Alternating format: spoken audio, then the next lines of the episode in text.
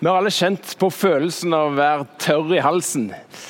Eller tyste og tørr og sliten, og kanskje etter et par timer i sola. Eh, den der følelsen av og behovet for et kaldt glass vann. Så får du et kaldt glass vann, og så kjenner du den der øyeblikkelige lindringen som bare eh, overvelder deg. Og Kroppen vår den er avhengig av vann, og vann det er en forutsetning for liv. Og For 2000 år siden så kom Jesus Nazareth, fra Nasaret. Han kom fram og så sa han at 'jeg er det levende vann'. Jeg vil stille en sånn åndelig tørst, og jeg vil gi liv. Om noen tørster, han kom til meg og drikk, sa Jesus. Og den som tror på meg, sånn som Skriften har sagt, fra hans indre skal det flyte strømmer av levende vann. Jesus han inviterte mennesker inn til seg, inn til fellesskap med seg. Og det gjør han fortsatt. Jesus han vil stille din åndelige tørst. Han vil møte dine behov. Jesus han elsker deg. Jesus han døde for deg, og Jesus han sto opp igjen fra deg. Og Jeg håper så inderlig at du her på UL har fått møtt og fått kjent på invitasjonen fra Jesus. At du har fått smakt litt på den freden og den friheten som Jesus vil gi deg. At du har fått kjent på den lindringen som bare Jesus kan gi til deg. Å bli kristen det handler om å ta imot invitasjonen fra Jesus. Å ta imot invitasjonen til fellesskap med han. Og Når du tar imot Jesus, så vil han gjøre noe nytt i livet ditt. Jesus han kom inn og så skaper han et nytt hjerte. Et hjerte med lengsel etter det som hører Jesus til. Og Når du begynner å følge etter Jesus, så vil det påvirke livet ditt.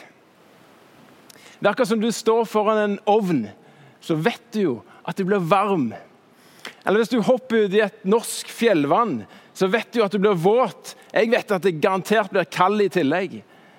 Og Sånn er det med Jesus. Hvis du holder deg nær til Jesus, hvis du lar Jesus få påvirke deg, så vil noe skje i livet ditt. Um, I kveld så har vi lyst til å snakke litt mer om det. Hvordan, hvordan livet med Jesus det påvirker oss. Og hvordan det levende vannet som han tilbyr, det gjelder ennå. Hvordan det gjelder deg, og hvordan vi har fått, fått det og skal få lov å være med og gi det til mennesker rundt oss. Kjære Jesus, takk for at du er her i dag igjen. Takk for at du er her i kveld, og takk for at du har noe for oss igjen i kveld.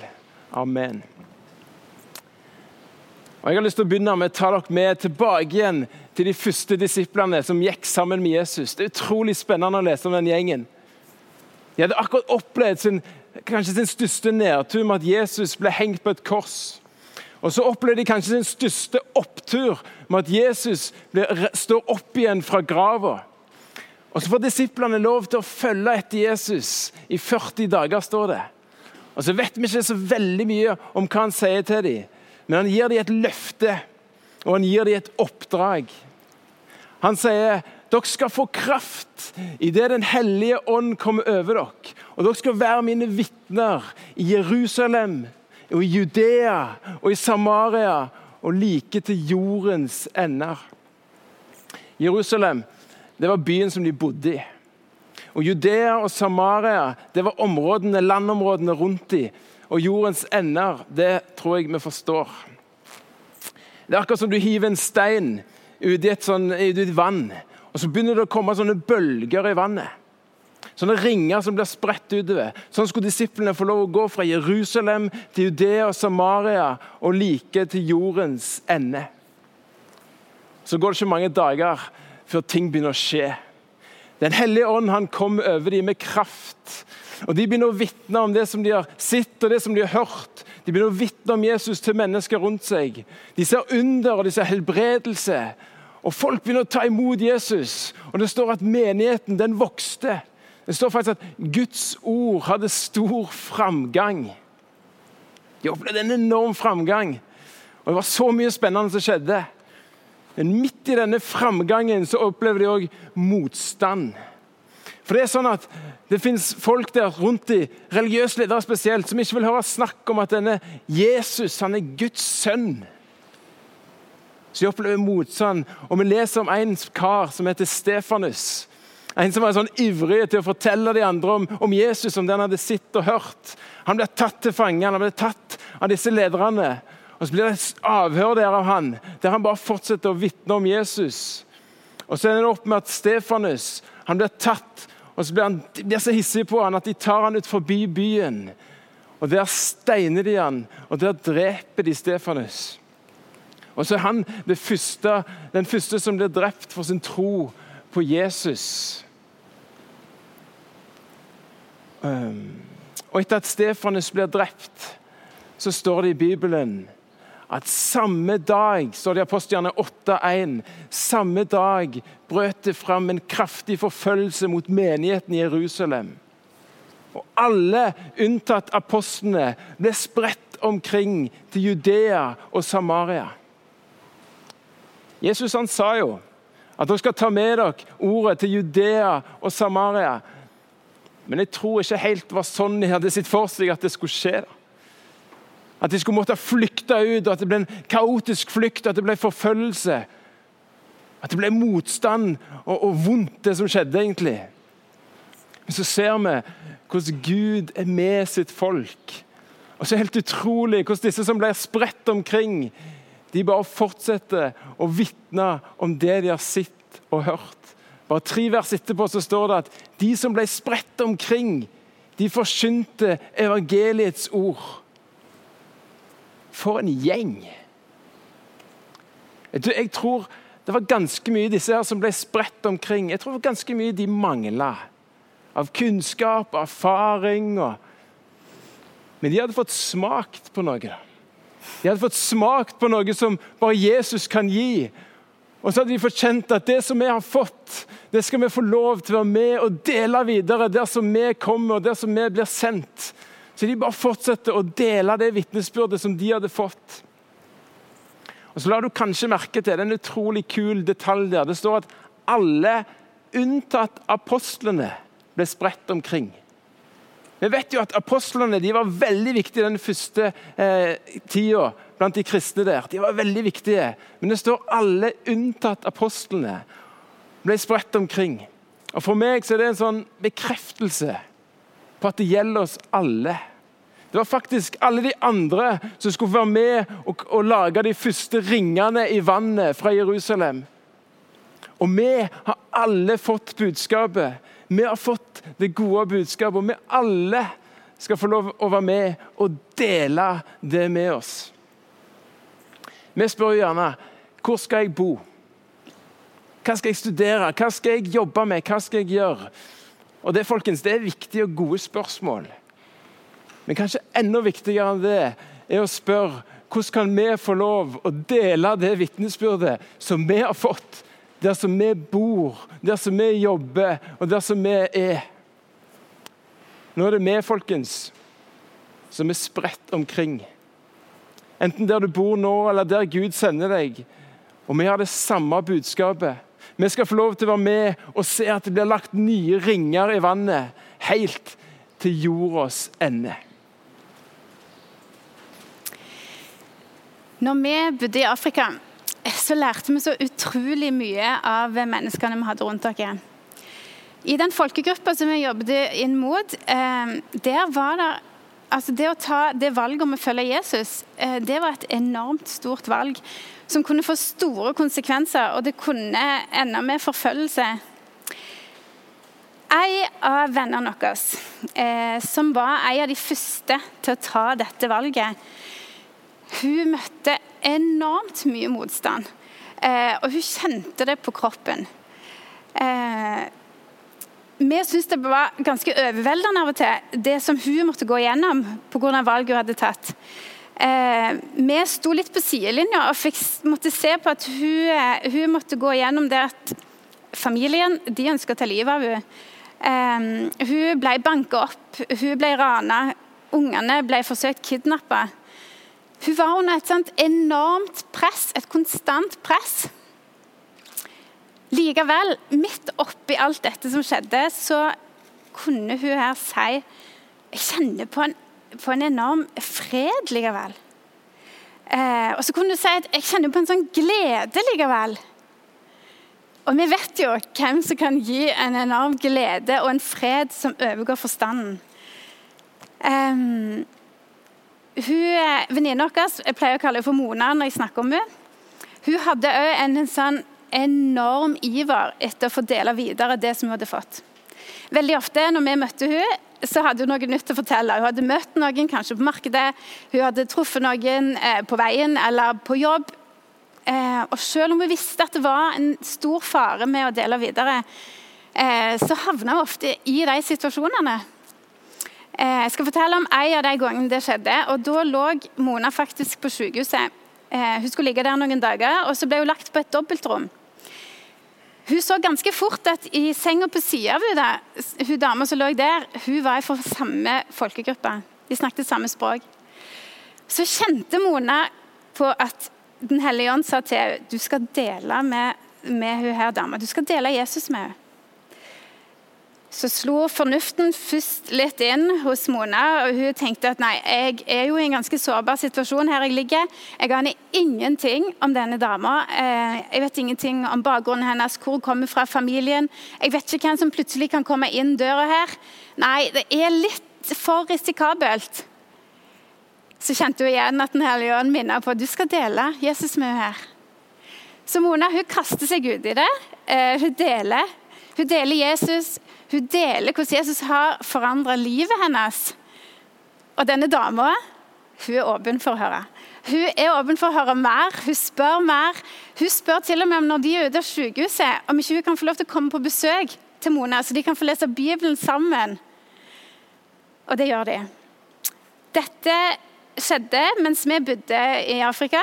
Um, og uh, jeg vet at disse to damene hadde mye kontakt i starten. Men så flytta hun dama vekk til en annen by for en periode. Eh, og hun var flytta vekk når vi reiste hjem. Eh, så jeg visste egentlig ikke så mye om hvordan, hvordan hadde det egentlig gått videre. Så for noen uker siden så snakket jeg med Mona på telefonen. Eh, spurte litt hvordan det gikk. Eh, og så kom jeg på hun her dama. Hvordan gikk det egentlig med hun? Har du, har du noe kontakt med hun, spurte jeg. Og Da kunne Mona fortelle meg at ja, det hadde hun. For hun dama hadde flytta tilbake. Nå bodde de i samme by igjen. De møttes ofte. Faktisk så hadde de møttes nettopp den uka der eh, når, eh, når jeg ringte, og lest Bibelen sammen. Og Hun sa det at nå har hun begynt å spørre om når hun kan få lov til å bli døpt. Og jeg tenker Det var helt fantastisk at det skjer. Og jeg tenker at eh, For en reise eh, som begynte der på sykehuset. Med at Mona tok det der lille skrittet, eller egentlig ganske stort skritt, i tro. Eh, til i dag så er det ei dame som har en lengsel etter å bare få tilhøre Jesus. Og Det sier meg òg en annen ting, og det er at alle kan være med og dele. For jeg vet jeg, jeg var ganske tett på Mona i den tida. Jeg vet at det, det var veldig mye der hun ikke ennå hadde hørt om. Eh, om Jesus. Det var ganske mye i Bibelen hun ikke hadde lært ennå. Men hun hadde fått smakt på Jesus. Hun elska Jesus. Hun hadde det hun trengte for å dele videre.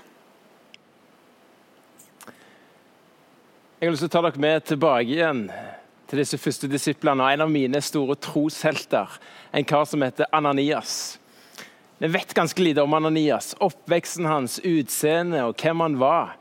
Men vi vet at han var en av Jesu etterfølgere i en liten by som heter eller Ikke om han var liten eller stor, forresten, men det var i hvert fall en by som heter Damaskus. Og Der var han eh, sammen med et lite fellesskap. Og så vet vi at Ananias han hadde god grunn til å være livredd. For på vei til Damaskus er det en fyr som heter Paulus. Og Paulus han var en av disse ivrige forfølgerne, en brutal og ivrig forfølger av disse første kristne. Han hadde vært med og sett på når Stefanus ble drept. Og nå er han, Paulus, på vei til byen. Og På vei til Damaskus så møter Paulus Jesus med et stort lys på veien.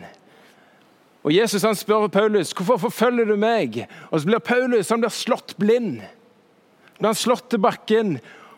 Og Så blir han tatt inn til Damaskus i blinde, og så sitter han der i tre dager og tre netter uten å spise og drikke. Og På samme tid så kommer Gud til Ananias. Og Ananias han skjønner at det her er det Herren som snakker til meg. Og han sier, 'Her er jeg, Herre'. Så sier Gud, 'Jeg har lyst til at du skal gå ned ei gate her.' Der sitter det en kar som heter Paulus. Og jeg har lyst til at du skal legge hendene på Paulus og be for han, for jeg har en tjeneste for han. Ananias han OK, du, vet, du hvem, vet du hvem Paulus er, på en måte? Eh, det er forfølgeren vi snakker om her. Men Gud han spør og sier egentlig bare til Ananias gå. Og Ananias han reiser seg opp og han går ned gata. Så går han inn til Paulus, som sitter i mørket. og Så legger han hendene sine på fienden. Så sier han 'bror'. Og Så ber Ananias for Paulus. Og Så kommer Gud og så skaper han noe i Paulus. Han skaper et nytt hjerte i Paulus. Og Så reiser Paulus seg opp og så blir han døpt. Og så blir de faktisk brødre der, disse to gutta. Det er så utrolig sterk historie hvordan en lar seg lede av Gud. Den Ananias som lar seg lede av Gud til Paulus.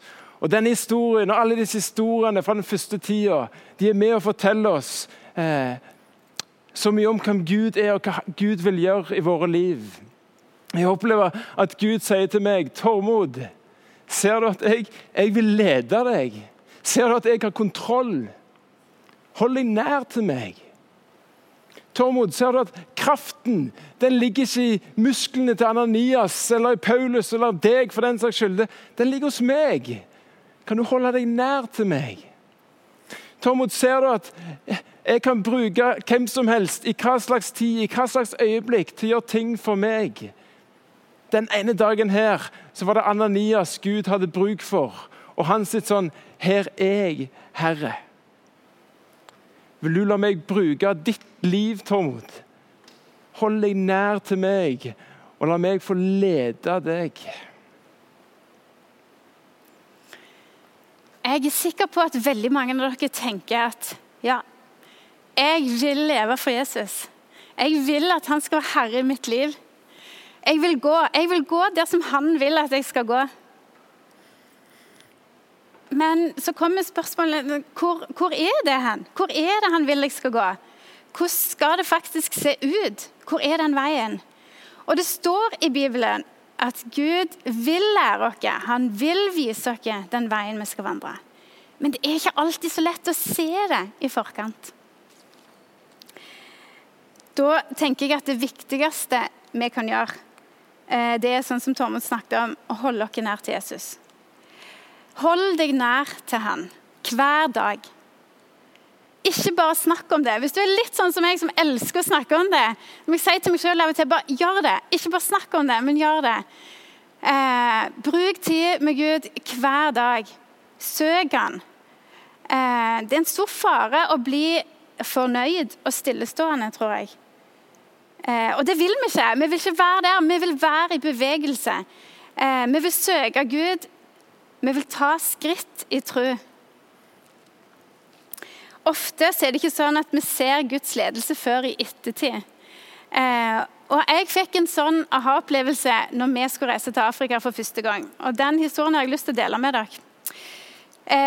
For når jeg var 18, så var jeg her på Ålgård, på UL. Og Da hadde de lagt til nede i teltet her en stand der de hadde fokus på unådde folkegrupper. Eh, de hadde printet ut liste med navn eh, på disse folkegruppene. Det var masse A4-ark som lå der. Og så var det hvite T-skjorter. Så skulle du, hvis du gikk på den standen, ta ei T-skjorte, eh, velge deg ett av de folkegruppene, skrive den på T-skjorta, så skulle du ta med deg den T-skjorta hjem, og så skulle du be for dette folket. Og dette gjorde jeg. Tok meg en T-skjorte, jeg valgte fra den lista, eh, skrev, jeg skrev med store bokstaver på T-skjorta. Tok den med meg hjem. og Tida etter det UL eh, så ba jeg mye for det folket der. Sju år etterpå da hadde jeg truffet Tormod. Eh, vi var begge klar for å reise ut. Og vi hadde fått spørsmål om å reise til Afrika. Og så fikk vi spørsmål om å gå til akkurat den folkegruppa. Tankene mine gikk jo ganske fort til den T-skjorta. Og jeg ble sånn Gud, du visste det! Og selvfølgelig visste han det! Det var akkurat som at Gud eh, av Hans nåde da, bare lot meg få se et et lite glimt av hans store bilde. Det der bildet som jeg av og til strever etter å ha kontroll over, som jeg ikke trenger i det hele tatt, for Gud har kontroll over det bildet der. Og han visste at jeg kom til å ha ganske mye med det folk å gjøre, lenge før jeg visste hvor de bodde hen en gang. Um, I tillegg så ga den opplevelsen meg en sånn bekreftelse på at Gud han ser akkurat meg. Jeg kunne være trygg, jeg kunne gå med en fred, for dette, han var med meg. Eh, og jeg var hans, og jeg er hans, og ingen andre sin. Jeg er hans datter på oppdrag for han. Og jeg tenker det at det er akkurat der Gud vil ha oss. Ja, Gud vil bruke oss. Han vil vise oss veien. Han, han vil det, men han vil aller mest være sammen med oss. Han vil ha fellesskap med oss. Og ut ifra det så kan det skje store ting. For ut ifra det, da vet vi at vi går ikke i egen kraft. Vi går i full tillit til at det er han som kommer til å gjøre det. Og det er det jo. Vi har ingenting å bevise. Vi kan være så frimodige, for dette, dette handler ikke om oss. Sist uke så måtte jeg skrive om eh, det som jeg skulle si litt. For jeg fikk lov å lese en hilsen fra en av våre kristne brødre som sitter i fengsel i et land hvor det ikke har lov å være kristen. Han sitter i fengsel fordi han tror på Jesus. Og jeg tenker Han kunne skrevet et brev han kunne skrevet en hilsen full av sorg og klage og mismot. Men han velger heller å skrive et brev som jeg opplever bare så utrolig fullt av takknemlighet til Jesus. For det som han har gitt han, og det som han har fått fra Jesus. Og Han skriver at han faktisk opplever den situasjonen som en mulighet til å kunne få være et vitne for de som han er rundt. Han skriver at han opplever at han kan få være et lys i mørket. Og Det er utrolig sterkt å lese sånne hilsener. Og så er det én ting han skriver som jeg opplever kanskje spesielt var en oppfordring til meg, og jeg tror det gjelder oss alle. Han ber oss om ikke å dim our lights. At vi ikke må dimme lysene våre. For Jeg tror du kjenner litt ofte på det samme som meg, at det er en utrolig lett fristelse på en måte bare begynne å dimme litt det der lyset som Jesus har tent i deg. Det er så lett å bare skru ned litt grann, og litt grann, og litt grann. Men Jesus han vil at vi skal være lys som skinner. Det lille lys jeg har, det skal få skinne klart. Jesus han inviterer oss inn. Og så utfordrer han oss. Og så sender han oss ut til verden rundt oss. Og så ber han oss om å være med og vitne om han. Oppdraget det er det samme, og løftet er det samme. Og Jesus ber oss om å få se og få gå ut og lage nye ringer i vannet. Gud har bruk for deg. Og Jeg håper du har lyst til å svare sånn som Ananias fikk svare. Her er jeg, Herre. Amen.